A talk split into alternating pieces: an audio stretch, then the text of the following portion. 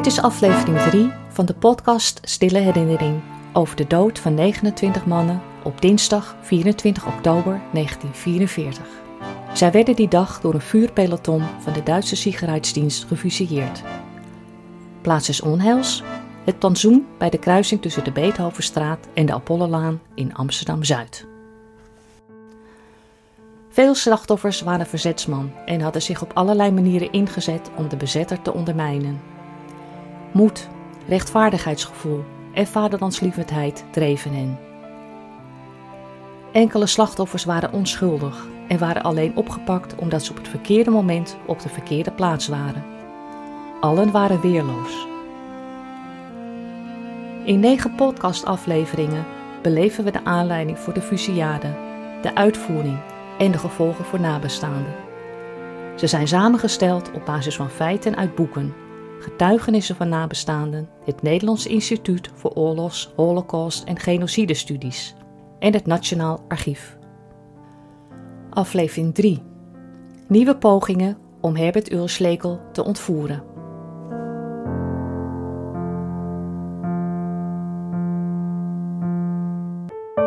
In aflevering 2 hebben we gehoord hoe vier verzetsmannen van de knokploeg Amsterdam probeerden om Herbert Urslegel, succesvolle politieankerstelter bij de Sicherheidsdienst, te ontvoeren.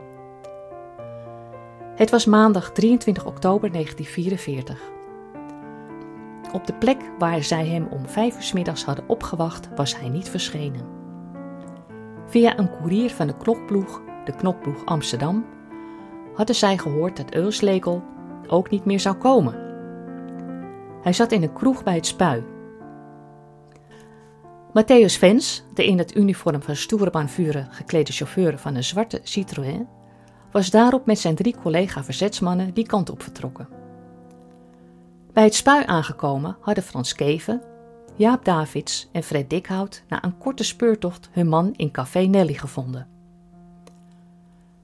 Davids had in dat café een sterk op Euslekel lijkende bezoeker brutaalweg met een verlopen politiepas naar zijn Ausweis gevraagd.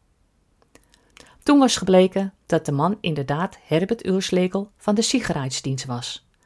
Een eerste poging om hem te ontvoeren toen hij de kroeg had verlaten was mislukt. Urslekel had niets gemerkt en wandelde over het spui.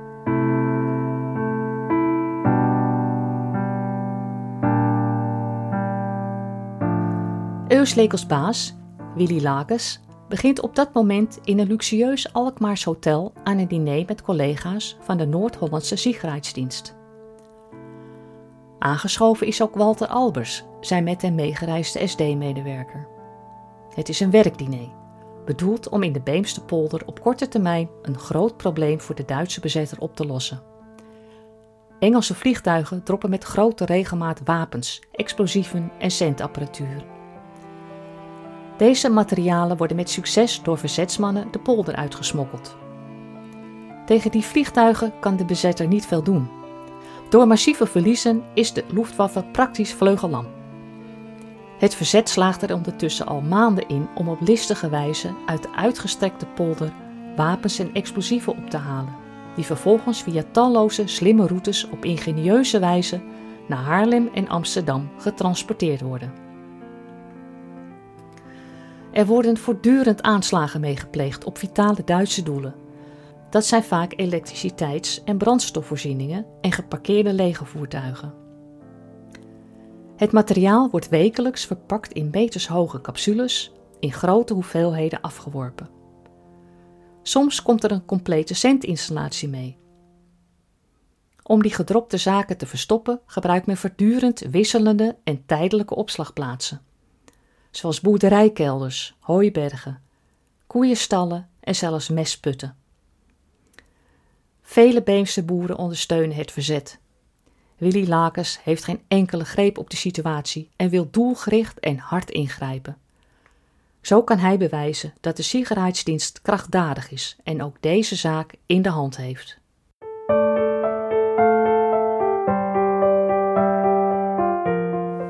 Drie verzetsmannen, Jaap Davids, Frans Keven en Fred Dikhout, zijn teruggelopen naar de auto die Matthäus Vens op een stille plek bij het spui heeft geparkeerd. Vens zit nog wat onderuitgezakt achter het stuur. Hij was in een snelle beweging weggedoken als Eulslegel onverwacht zijn kant had opgekeken. Die was net, strak voor zich uitkijkend, het spui overgestoken. Vens gaat direct rechtop zitten wanneer zijn drie collega's instappen. Keven vertelt in een paar woorden wat er is gebeurd. Even overwegen ze Eulslegel nu alsnog te ontvoeren, want er is nauwelijks iemand op het spui te zien. Maar hij is al overgestoken richting het Singel en daarmee te ver weg. Ze zien hem richting het Koningsplein wandelen. Hij kijkt niet op of om. De mannen overleggen kort wat ze zullen doen. Ze besluiten het er niet bij te laten zitten en een nieuwe poging te wagen. De achtervolging wordt ingezet. De auto trekt langzaam op en nadert Euslegel tot op ongeveer 100 meter. Ondertussen vertelt Davids in geuren en kleuren over zijn ontmoeting met Eulslegel. Hij had de indruk gekregen dat Eulslegel, de knappe jonge vrouw waarmee hij stond te praten, aan het versieren was. Ze had hem, dacht Davids, uiteindelijk nogal bot afgewezen. Toen ze plotseling vertrok, had Eulslegel er enorm de pest in. Toen Davids hem om zijn auswijs had gevraagd, had hij niets gezegd en geïrriteerd en arrogant gekeken. Maar omdat Davids hem als een koele kikker afwachtend was blijven aankijken, kon hij niet anders dan zijn legitimatie tonen. Het was een identiteitskaart van de sicherheidsdienst waar de naam Eulslegel duidelijk op stond met een pasfoto. Vanaf dat moment was het 100% zeker dat ze de gezochte man gevonden hadden.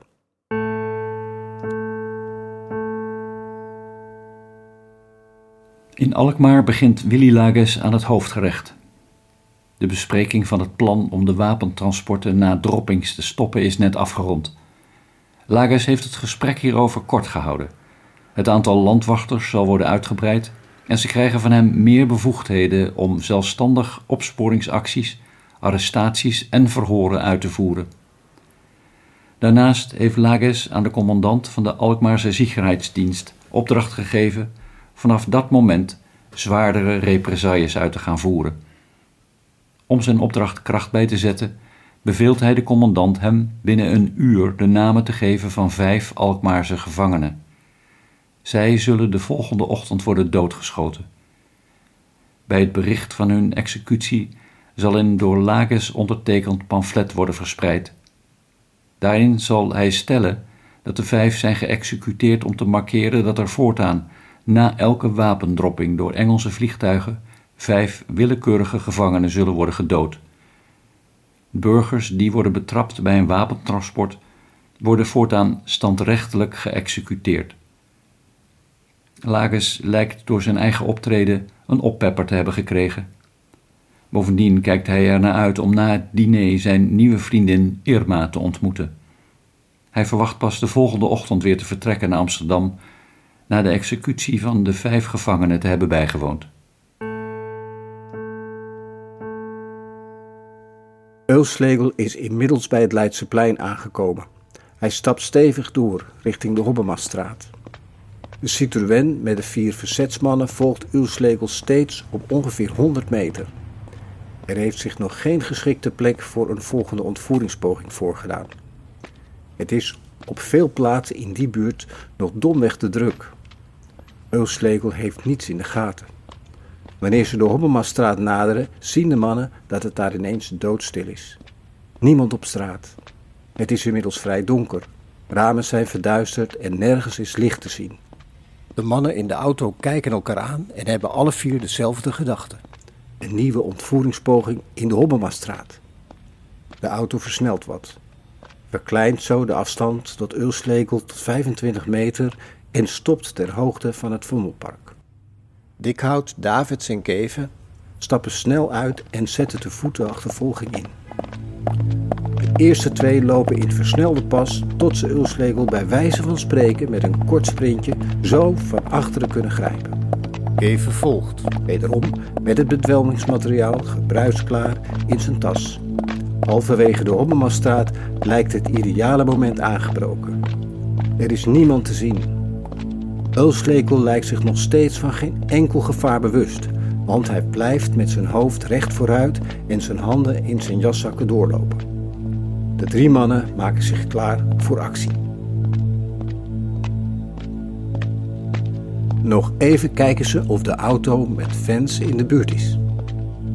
Tot hun verbijstering is dat niet het geval. Enige onrust maakt zich van de mannen meester. Dikhout wenkt Davids dat ze een ogenblik moeten wachten. Keven steekt de straat over om beter te kunnen zien waar de auto blijft. De auto staat net voorbij het Vondelpark stil. Wanneer Keven goed kijkt, ziet hij dat de auto voor een voetgangersoversteekplaats wacht. Er is daar een vrouw gestruikeld die door voorbijgangers op de been wordt geholpen. Keven begrijpt meteen dat een nieuwe poging gestaakt moet worden, want hij schat in dat de auto pas weer kan rijden als Ulslekel de Hobbemastraat al uit is. Hij gebaart naar de omkijkende Davids die Dikhout onmiddellijk een portiek induwt. Kans voorbij. Keven voegt zich bij hen. De drie zien Ulslegel vanuit hun schuilplaats het grote museumplein oplopen. Er klinken op gedempte toon enige forse krachttermen. Gefrustreerd bespreken ze toch meteen wat nu te doen. Helemaal afblazen? In Alkmaar heeft Willy Lages net zijn toetje op. In de rooksalon van het chique hotel worden dikke sigaren opgestoken. Er is bij het eten overvloedig wijn ingenomen en daardoor wordt het zowaar een soort van gezellig. Ook al omdat de landwachters zijn vertrokken. Lages en zijn assistent Albers hebben hun minachting voor deze mannen nauwelijks verborgen gehouden. Dat hebben de landwachters best gemerkt. Maar ze hebben goede zaken gedaan. Ze krijgen meer collega's en bevoegdheden. Ze halen hun schouders op over de respectloze manier waarop de SD'ers ze behandelen. Ze weten maar al te goed dat de Sicherheidsdienst hen altijd nodig heeft voor de vuile klussen. Zij knappen die maar al te graag op. Daarmee kunnen ze indruk maken op elkaar en op andere Nederlanders die heulen met de vijand. En ze zijn tegelijk goed beschermd tegen de arbeidseinsatz en deportatie naar Duitsland of het Oostfront. Het is kwart voor zes. Op het Amsterdamse Museumplein schemert het nu echt. Aan het plein bevinden zich tal van gevorderde stadsvilla's, waarin de kantoren van het opperbevel van de Weermacht gevestigd zijn. Het is één groot spergebied met zwaar bewapende wachtposten, bunkers, luchtafweergeschut en overvloedig prikkeldraad. Euslegel is daar inmiddels bij een Duitse wachtpost aangekomen. Hij kan met zijn SD-identiteitskaart alle wachtposten moeiteloos passeren. Dat geldt niet voor de auto waar Geven, Dikhout en Davids weer zijn ingestapt. Ze zullen moeten omrijden. De mannen willen beslist nog niet opgeven. Ze weten dat een van de wachtposten aan de overkant van het museumplein, waar Euslekel zeer waarschijnlijk naar op weg is, grenst aan de brede van Baarlestraat. Ze rijden met de Citroën die kant op, slaan de Van Baarlestraat in, passeren het concertgebouw en parkeren 100 meter verderop. Davids oppert de mogelijkheid dat Ulslegel niet meer tevoorschijn komt omdat hij in het spreekgebied een weermachtkantoor bezoekt. De mannen besluiten een minuut of tien te wachten. Wanneer Ulslegel dan niet is verschenen, zal de actie voor die dag worden gestopt.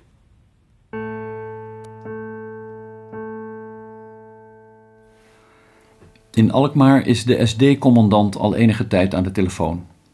Hij heeft zijn ondergeschikte opdracht gegeven vijf gevangenen te selecteren, die de volgende ochtend op last van Willy Lages zullen worden geëxecuteerd. Er zit beweging in de zaak. Tevreden voegt hij zich weer bij het gezelschap, neemt een glas port en steekt een dikke sigaar op. Walter Albers, die zich bij het diner kogelrond heeft gegeten, voert het hoogste woord. Hij is de man van de meest recente en foute Duitse weermachtgrappen. Hij laat de doorgaans arrogante en bazige Willy Lages voortdurend schaterlachen. Het is half zeven wanneer Ulslekel plotseling opduikt uit een zijstraat. Nog steeds recht voor zich uitkijkend loopt hij de Van Baarlestraat in. Net op tijd. De mannen in de auto veren op en krijgen nieuwe energie. Zou het dan toch nog lukken? Als Eulslegel het vrij drukke Roelof Hartplein oversteekt en de Koenenstraat inloopt, volgen ze hem opnieuw. De mannen zien dat het aan het eind van die straat rustig is. De invallende duisternis maakt het zicht steeds beperkt. De mannen vermoeden dat Eulslegel op weg is naar het hoofdkwartier van de Sicherheidsdienst in de verder opgelegen Euterpenstraat. Ze besluiten dat ze hem nu snel te pakken zullen nemen, anders is de vogel alsnog gevlogen. De auto is hem opnieuw vrij dicht genaderd. Wanneer Ulslekel bijna de Beethovenstraat inloopt, kijkt hij voor het eerst op. Hij ziet de Citroën en kijkt dan weer voor zich. Dan kijkt hij opnieuw en versnelt seconden later onverwacht zijn pas. Dit leidt in de auto tot opwinding. Ulslekel heeft ze ontdekt. Het is vijf over half zeven. Euslegel versnelt zijn pas tot hij bijna begint te rennen. Hij wil de brede Apollolaan oversteken. Met één hand houdt hij zijn hoed vast en kijkt nog een paar keer om. In de auto roepen de mannen door elkaar dat ze Euslegel nu moeten pakken. Elke voorzichtigheid laten ze varen. Vens geeft vol gas en rijdt de inmiddels rennende Euslegel voorbij. Meteen daarop remt hij abrupt en probeert Euslegel met de auto de pas af te snijden. Davids en Dikhout springen uit de auto en zijn net op tijd om hem met een flinke schop beentje te lichten. Eulslegel geeft een luide schreeuw en rolt over straat waarbij hij zijn hoed verliest. Als hij probeert op te krabbelen, maakt Dikhout aanstalten hem met zijn knuppel op zijn hoofd te raken, maar dat mislukt omdat Eulslegel net op tijd wegdraait. Keven komt aangerend met zijn geopende tas. In één beweging pakt hij de fles chloroform en de prop watten en laat zijn lege tas vallen. Met zijn tanden trekt hij de glazen stop van de fles en spuugt hem uit. Hij staat naast de spartelende en schreeuwende Euslegel, die met zijn armen en benen Davids en Dikhout van zich af probeert te slaan en te schoppen. Keven giet de fles chloroform over de wattenprop leeg. Dikhout haalt opnieuw uit met zijn knuppel, maar Euslegel weet zijn slag weer af te wenden. Daardoor raakt hij niet Euslegels hoofd, maar de fles chloroform die uit Kevens handen vliegt en op straat kapot valt. Keven ziet het met ontzetting gebeuren. De wattenprop is slechts voor een klein deel doordrenkt met chloroform. Hij slaagt erin hem tegen Euslegels gezicht te drukken. Die draait zijn hoofd weg, waardoor zijn bril op straat valt. Hij gilt het uit en trapt opnieuw wild om zich heen. Keven drukt de wattenprop opnieuw op Euslegels mond en neus. Dat lukt beter, maar de hoeveelheid chloroform blijkt niet genoeg voor een snelle bedwelming. Hilfe, hilfe, schreeuwt Eulschlegel met hoge stem door de wattenprop heen. Steeds weer proberen Dikhout en David zijn armen vast te pakken en op zijn rug te draaien, maar dat lukt maar half. Keven helpt een handje door Eulschlegel een enorme trap in zijn buik te geven. Dat heeft maar even effect. Hij blijft zich hevig verzetten. Vens is uit de auto gestapt die op nog geen vijf meter van de vechtende mannen staat. Hij houdt de achterdeur van de Citroën open, zodat Eulschlegel makkelijk ingeladen kan worden. De weinige mensen die op straat zijn, komen op het tumult af. Ze vragen zich af wat er aan de hand is. Zijn hier een paar in zwarte leren jassen geklede mannen van de Gestapo bezig een Amsterdammer in elkaar te slaan? Wat moet een vent in Duits uniform bij die auto? Het slachtoffer roept om hulp in het Duits, dus is vast geen Amsterdammer. Wat gebeurt hier? Men blijft op afstand staan. Sommige mensen lopen angstig door. Een grote, stevige man loopt op de spartelende Ulslegel af en begint hem zonder iets te zeggen aan zijn jas te trekken. Hij lijkt hem uit de handen van Davids en Dikhout te willen bevrijden. Hierop laat Davids Ulslegel los en pakt zijn revolver uit zijn jaszak. Hij richt van dichtbij op Ulslegels hoofd Keef en Dikhout stappen snel achteruit. Bij het zien van de revolver laat de uit de kluiten gewassen man Ulslegel van schrik los en rent weg. Ze gaan schieten, roept hij. Wegwezen hier! Ulslegel hoort wat er geroepen wordt en probeert wanhopig overeind te komen. Er klinkt een knal. Davids heeft de trekker overgehaald.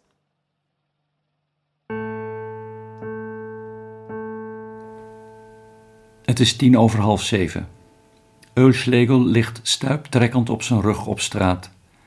Er pulseert bloed uit een schotwond in zijn slaap. Iets verderop ligt een gebroken fles met een flinke prop watten.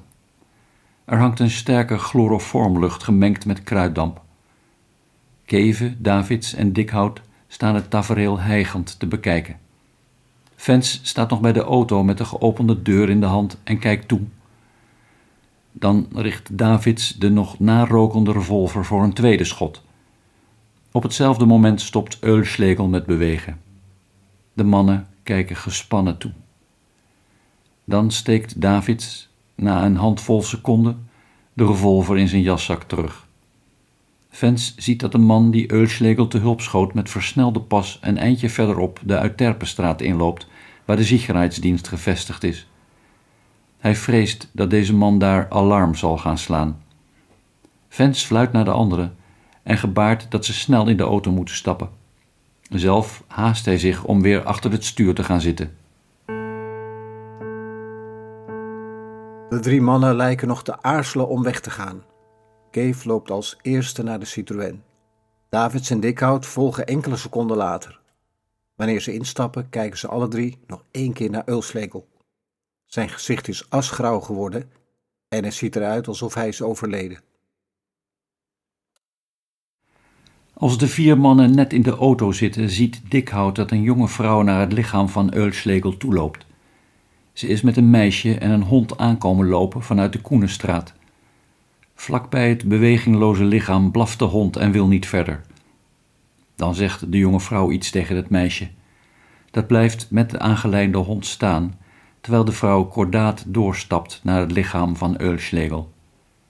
Ze hurkt neer, voelt aan zijn pols, luistert met haar oor dicht bij zijn mond en kijkt in zijn ogen. Ze ziet de schotwond in zijn hoofd en de plas dik bloed die zich heeft gevormd. Ze maakt een professionele indruk en heeft nog het meeste weg van een verpleegster. Dan gaat ze met haar hand naar de binnenzak van Eulschlegels jas en voelt of er iets in zit. Ze haalt er een portefeuille uit en bekijkt aandachtig de inhoud. Het lijkt erop of ze de identiteit van de man wil vaststellen. Op dat moment opent Dikhout de deur van de Citroën en beveelt Vens de auto die al langzaam optrekt te stoppen. Hij maakt een korte sprint naar de vrouw, pakt de portefeuille uit haar handen en sist: Wegwezen en praat hier met niemand over. De jonge vrouw staat verschrikt op en loopt snel terug naar het meisje en de hond. Ze haasten zich weg. Dikhout springt terug in de auto die meteen wegrijdt. Het is kwart over zeven. Het is nu zo goed als donker. Vens is omgedraaid en stuurt met matige snelheid terug naar het Roelof Hartplein. Vandaar gaat het richting de Keizersgracht. Daar zal verslag worden uitgebracht van de gebeurtenissen. Vijf minuten later ligt het roerloze lichaam van Eulslegel nog steeds in een geheel verlaten Beethovenstraat. Enkele ramen van bovenwoningen zijn geopend en de bewoners kijken schichtig naar beneden en zien tot hun grote schrik een lijk in hun straat. Eulslegels benen liggen bijna in het portiek van huis nummer 6. Winkeliers turen stiekem door hun etalages. Iedereen weet dat een dode op straat in deze gevaarlijke oorlogsjaren altijd onheil betekent voor de hele buurt. Opeens weergalmen er snelle voetstappen. Er komen vier mannen uit de Uitterpenstraat aangerend. Het zijn drie geuniformeerde SD'ers en één fors gebouwde man in burger. Het is degene die Eulschlegel nog geen kwartier eerder te hulp is geschoten. Het gezelschap spoedt zich naar de plek waar Eulschlegels lichaam op straat ligt. Enkele tellen later staan de drie geuniformeerden daaruit te hijgen. De man in burger blijft op enige afstand van het levenloze lichaam. Twee SD'ers ontsteken een paar olielampen die ze hebben meegenomen. De derde man is al op zijn knieën gaan zitten. Het is de SD'er Ferdinand Vierman, een naaste medewerker van Willy Lages. Hij is kort daarvoor op zijn kantoor in de Uitterpenstraat gealarmeerd door de man in burger. Dat is de NSB'er Willy Pons, een informant. Veeman Pons had die avond om zeven uur een afspraak bij de SD. Toen hij daarna op weg was, zag hij dat Eulslegel, die hij goed kende, aan het begin van de Beethovenstraat werd aangevallen door een aantal mannen. Pons zei te hebben geprobeerd hem te bevrijden, maar dat was niet gelukt en er werd geschoten. Daarop was hij naar het SD-hoofdkwartier gerend om alarm te slaan. Vierman bekijkt bij het licht van de olielampen de schotwond in Ulslekels slaap en de plas bloed. Op Ulslekels gezicht is nog een dunne sliert achtergebleven watten zichtbaar. De rest ligt in een prop een meter verder. Vierman loopt er naartoe, pakt de prop op, ruikt eraan en gooit hem achterloos op straat terug. Dan loopt hij weer naar het lijk en onderzoekt de binnen- en buitenzakken van Ulslekels jas, colbert en broek. Er komt niets tevoorschijn. Vierman praat nog even met zijn twee collega's en geeft ze opdrachten. Dan gebaart hij naar Pons, die nog steeds op afstand staat, iets van: Meekomen jij? En beent snel met hem weg, terug naar het SD-hoofdkwartier. Tegen half acht stopt de Citroën bij het pand aan de Keizersgracht. Het is doodstil. Keven stapt uit en loopt naar binnen door de op een kier staande souterraindeur. Davids en Dikhout volgen en sluiten de deur achter zich. Vens rijdt een klein stukje verder de garage van een grachtenpand binnen. De twee grote toegangsdeuren zijn uitnodigend opengezet. Als hij uitstapt, duikt er vanuit de duistere binnenruimte een jonge man op die de deuren snel sluit. De auto is nu veilig opgeborgen. Via de tuinkant van het rijtje grachtenpanden lopen Fens en de jongen snel naar het huis waar Davids, Keven en Dikhout al zijn binnengegaan. Doordat alle ramen verduisterd zijn, is het aardedonker in de tuin, maar de jongen weet precies de weg. Even later zitten de vier mannen in een rokerige zitkamer. Om hen heen zit een flinke groep verzetsmannen en vrouwen die betrokken zijn bij deze actie. Dikhout doet op rustige, zakelijke toon verslag van de heftige gebeurtenissen en de andere drie mannen vullen hem aan. Ze krijgen sigaren, sigaretten, jenever en zelfgemaakte bitterballen aangeboden. Een luxe waar ze dankbaar gebruik van maken. In Alkmaar vertoeft Willy Lakens rond half acht nog steeds in de rooksalon. Zijn vriendin Irma is inmiddels gearriveerd. Hij heeft haar in de hotellobby met een ronduit gênante zoenpartij begroet. Daarna is zij haar bagage gaan uitpakken in de gereserveerde hotelkamer. Lakens is opeens in opperbeste stemming. Het enige dat hem nog stoort is dat hij moet wachten op de Alkmaarse SD-commandant. Die is nog steeds bezig een bevel op te stellen om vijf gevangenen de volgende ochtend te kunnen executeren. Lakens zal dat bevel, als gebruikelijk, tekenen en zich daarna terugtrekken met Irma. Hij heeft al twee keer op zijn bekende ongeduldige en geïrriteerde wijze een Alkmaarse SD'er afgeblaft. Wie lange wird es verdammt nog dauern? Tot een derde keer komt het niet, want Lakers bijt de man toe dat hij niet meer wacht. Hij draagt hem op om direct naar zijn commandant te gaan en hem te vertellen dat de executie abgezakt is, geannuleerd. Lakers roept dat de Alkmaarse commandant een unfeiger sauger, een incompetente sukkel is en dat hij er nog van zal horen. Iedereen in de salon kan meegenieten. Dan stampt hij in volle vaart de rooksalon uit, de hotellobby in en sprint treden overslaand de trap op naar zijn hotelkamer. In de lobby van het hotel rinkelt enkele minuten later de telefoon. Het is Ferdinand Vierman van het SD-hoofdkwartier in Amsterdam. Hij vraagt naar Willy Lages. De hoteleigenaar wenkt Walter Albers, die juist wil komen afrekenen. Hij neemt de telefoonhoorn over, luistert en trekt dan bleek weg. Hij legt de horen neer en rent de trap op naar de kamer van Willy Lages. Die komt korte tijd later de trap afstormen. Zijn uniformjas en de bovenste knoopjes van zijn overhemd zijn los. Zijn schaarse haar staat recht overeind. Hij schreeuwt tegen Albers, die achter hem de trap afkomt. Het woord verdampt komt in ongeveer elke zin voor. Lages grijpt woest de telefoonhoorn. Hij luistert en raakt in toenemende mate verbijsterd. Hij stelt woedend enige vragen. Ook hier veel verdampt. Hij schreeuwt staccato een paar bevelen en gooit dan de horen met een flinke klap terug op de haak. Lages is wit Hij brult naar Albers het bevel om direct de auto voor te laten rijden. Naar Amsterdam. De Alkmaarse SD'ers proberen te begrijpen wat er aan de hand is, maar krijgen geen duidelijk antwoord. Ze durven ook niets meer te vragen en staan er wat onbeholpen bij. Lakens loopt met zijn handen in zijn zij te ijsberen door de lobby. Zijn hoofd is rood aangelopen.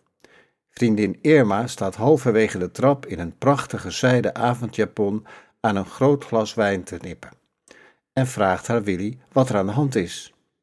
Lagers kijkt even op en maakt dan met zijn hand een wegwerpgebaar en begint tegen Albers uit te varen. De voordeur van het hotel gaat open en de chauffeur van Lagers auto meldt zich. Lagers loopt stampvoetend door de lobby naar buiten. Walter Albers volgt hem met zijn eigen tas en jas en die van Lagers.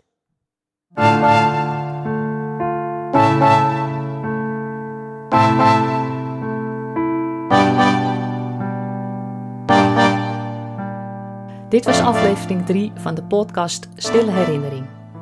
In aflevering 4 horen we hoe SD-chef Willy Lakens en zijn Sicherheidsdienst reageren op de liquidatie van Euslegel. Represaillemaatregelen lijken onvermijdelijk.